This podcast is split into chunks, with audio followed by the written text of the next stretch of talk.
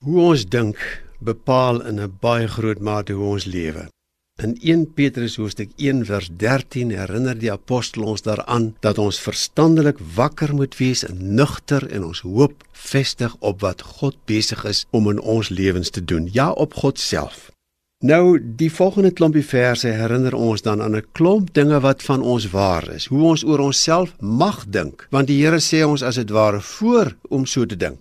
En die eerste ene is dat ons eintlik gehoorsame kinders is wat nie meer ons lewe moet inrig volgens die begeertes wat ons vroeër gehad het toe ons God nie geken het nie.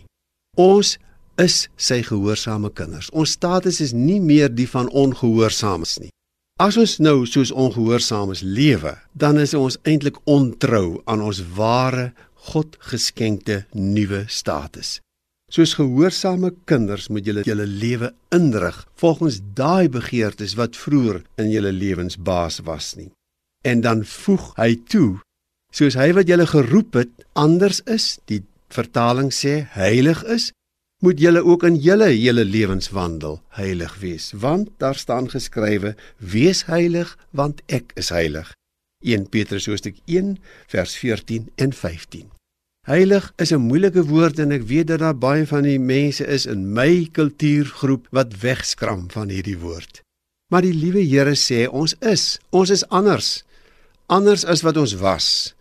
Ons was so gewoond aan ongehoorsaamheid. Nou is ons God se kinders wat verander is. Ons dink ook anders oor onsself tot gehoorsaamheid. Lewe dan daai ander lewe. Daai nuwe lewe wat ons in Christus ontvang het.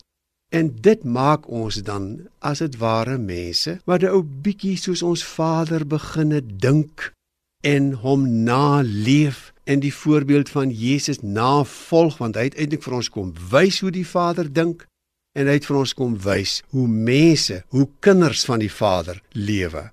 Nou, dis aan die einde van nog 'n dag. Miskien lê daar 'n ou klomp ongehoorsaamheid in jou dag wat jy sommer net vir die Here wil sê, "Ekskuus Here, Miskien lê daar 'n klomp wonderlike ervarings van gehoorsaamheid. Kom ons sê dan sommer net weer dankie. Dankie dat U vir my 'n nuwe status gegee het, dat U van my 'n nuwe mens gemaak het wat anders dink en anders lewe. 'n Mooi aand en 'n mooi nag vir jou.